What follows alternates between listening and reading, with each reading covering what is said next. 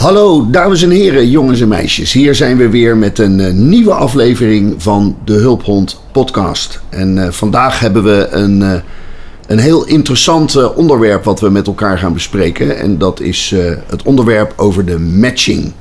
De matching tussen hulphond en cliënt. En met wie kunnen we dat beter bespreken dan met Frank van Heumen en Birgit van Rosmalen. Frank van Heumen is het hoofd, zeg maar de baas van eh, onze cliëntenzorg-unit.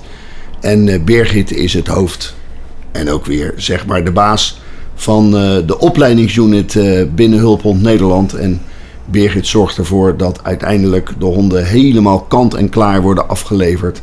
Zodat Frank met zijn team eh, de honden kan gaan plaatsen bij eh, de cliënten thuis.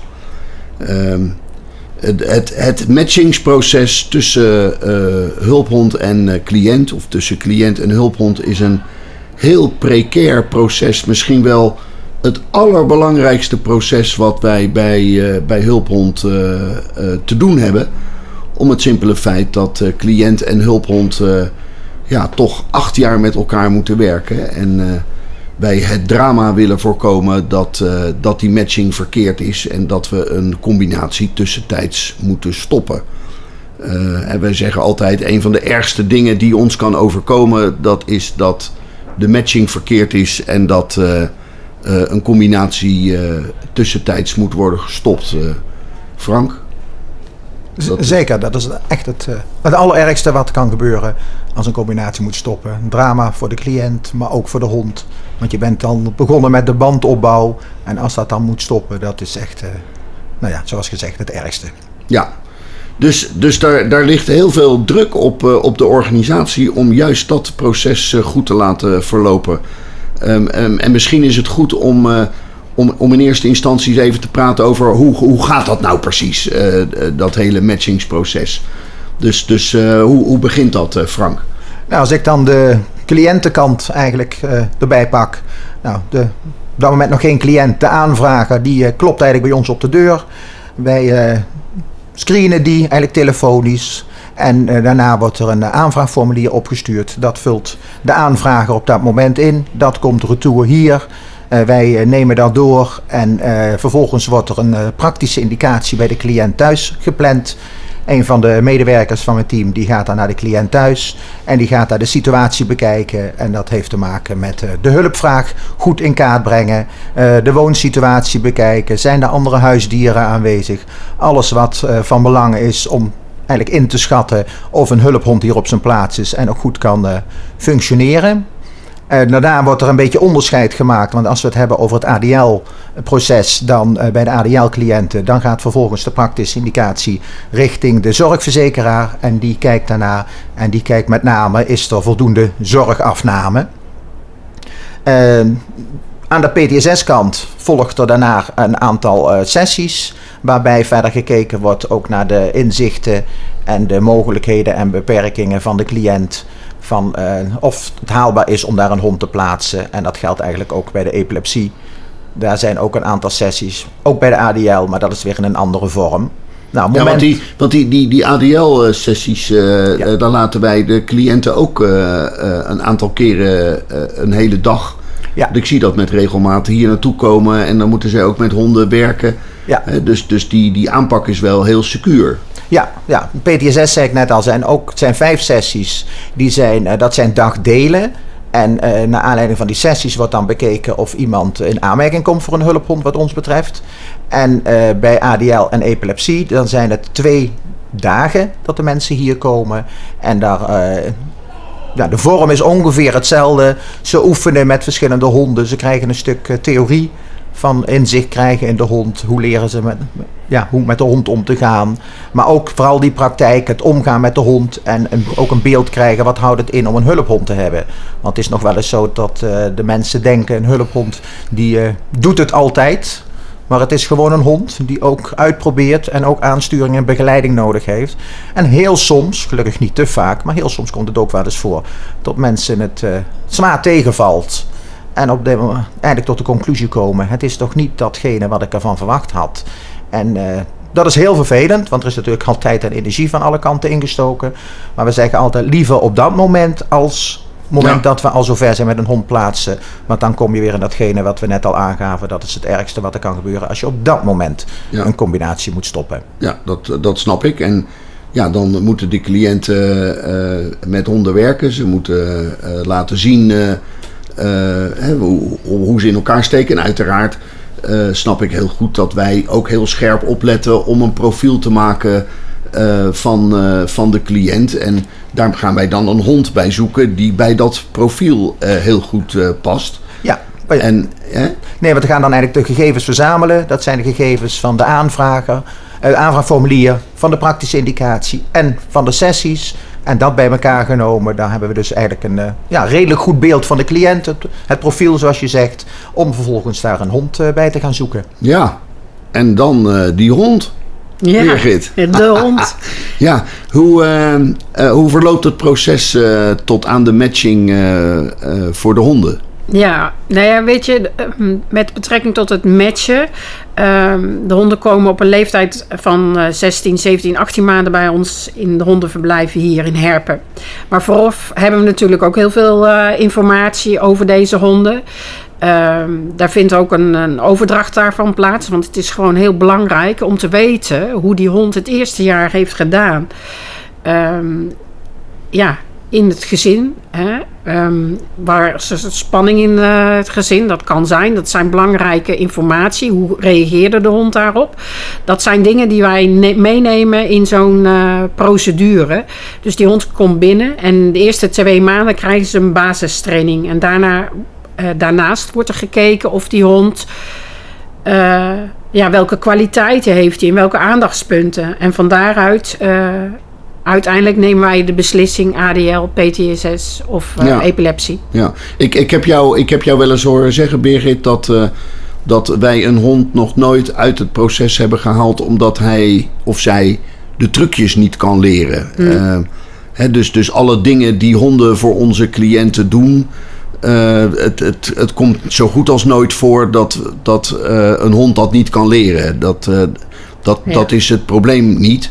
Waar, waar we natuurlijk heel nadrukkelijk naar kijken. Wat jij, waar jij denk ik op doelt ook met betrekking tot verzamelen van al die informatie. Eh, en, en die basistraining, dat is om een goed beeld te krijgen ook van, de van het karakter van, van de hond. En eh, eh, waar die bij past. Ja, ja, de karakter is natuurlijk enorm belangrijk. En naast een karakter heb je een temperament erbij.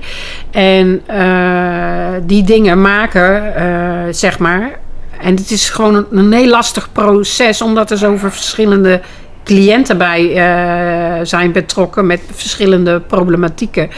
eh, aandoeningen. Eh, maar onze honden zijn ook zo verschillend. Net zo verschillend zou Ja. je zeggen, ja. ja, en, en hebben talenten, zijn verschillend opgegroeid. We werken met verschillende rassen, dus het is continu maatwerk. En kijken, waar ligt nou echt zijn talent? Hè? Waar, eh, eh, is het een hele baasgerichte hond? Of is het een hond met een, een rustigere locomotie? Eh, is het een hond met veel werklust, met weinig werklust? Wat is het de stabiliteit van de hond? Hè?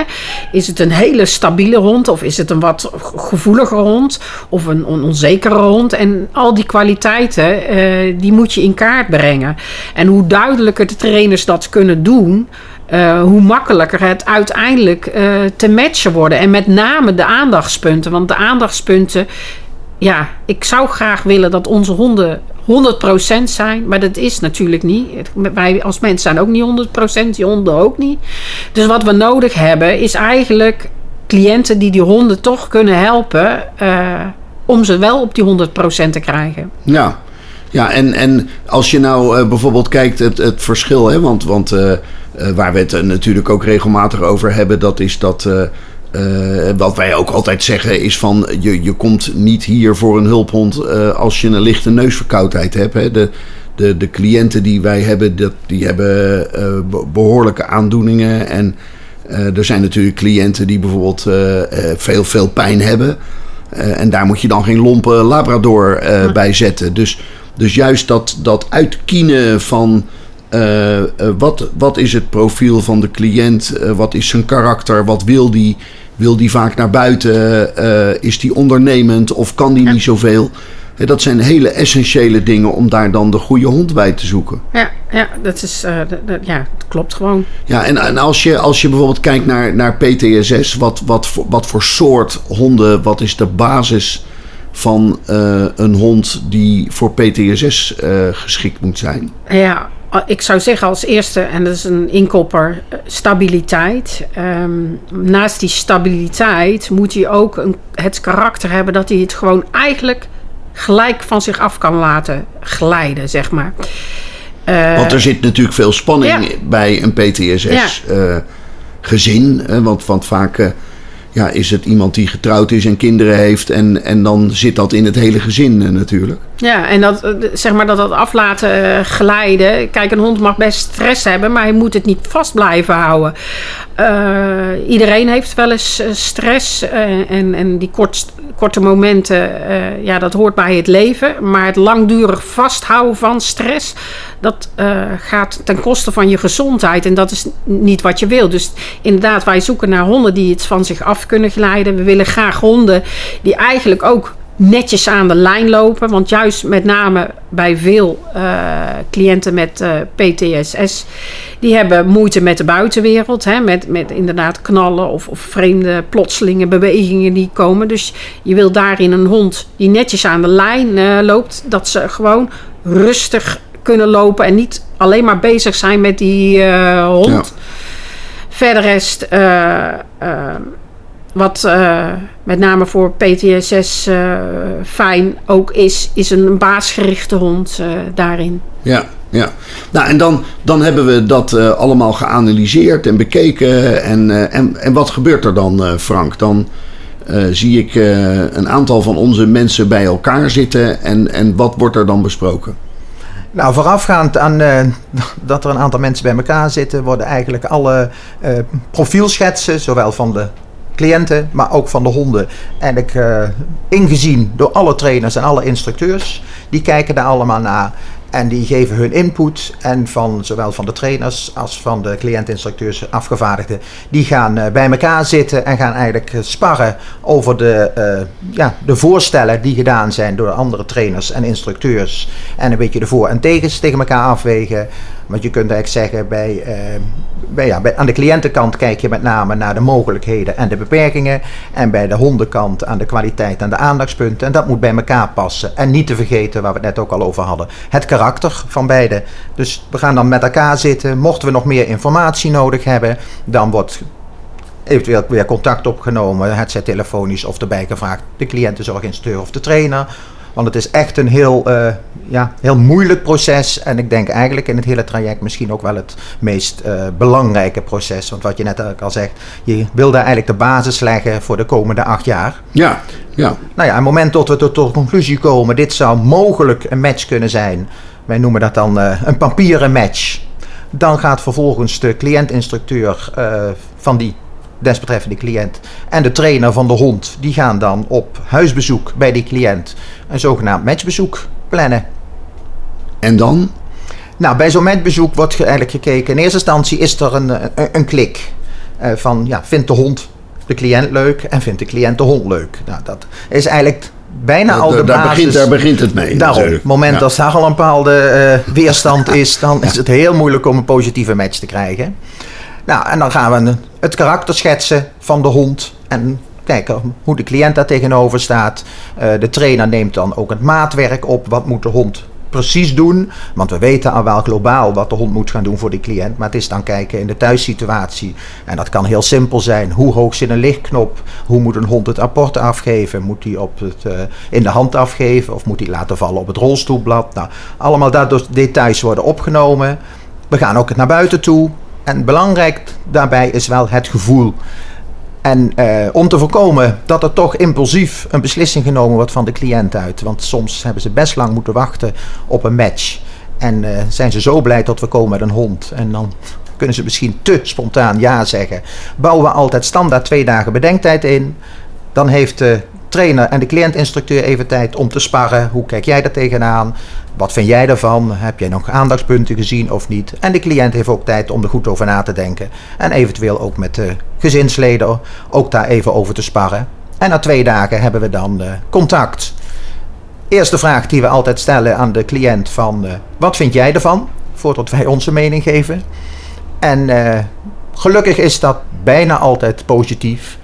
En soms ook niet. Maar ik moet eerlijkheidshalve zeggen... als het niet positief is, dan merk je dat vaak al tijdens een matchbezoek. Ja, het- ik kan me ook voorstellen dat eh, in een aantal gevallen, en dat maakt dan jullie en ons aller werk natuurlijk fantastisch, dat het liefde op het eerste gezicht is. Dat, eh, Ja, ja. dat het eh, in één keer, en dat moet dan jullie ook een enorme voldoening geven, hè, dat het hele voorwerk en de papieren tijgers waar we ons doorheen gewerkt hebben en de analyses, dat dat dan in één keer eh, op zijn plek valt, Birgit. Ja, ja ik, heb, ik heb natuurlijk als trainer gewerkt. En ja, er zijn eh, soms matchen die, die, die, die zijn zo mooi om te zien. Hoe die hond dan op de cliënt reageert. En hoe blij zo'n cliënt op zo'n hond is. Ja, ik vind het altijd fantastisch mooi. Ja. Maar goed, het, eh, wat we zeiden, het is een, eh, een, moeilijk Ja. eh, proces en een heel zorgvuldig proces. wat wij met de grootste integriteit en zorgvuldigheid doen. Ehm, maar onze tijd zit er alweer op. De podcast, deze versie van de podcast, is alweer voorbij. Birgit en Frank, ik dank jullie heel hartelijk voor jullie inspirerende verhaal. En eh, dames en heren, jongens en meisjes, dit was eh, de podcast over eh, ons matchingsproces. En ik hoor jullie graag weer in een volgende podcast. Tot ziens.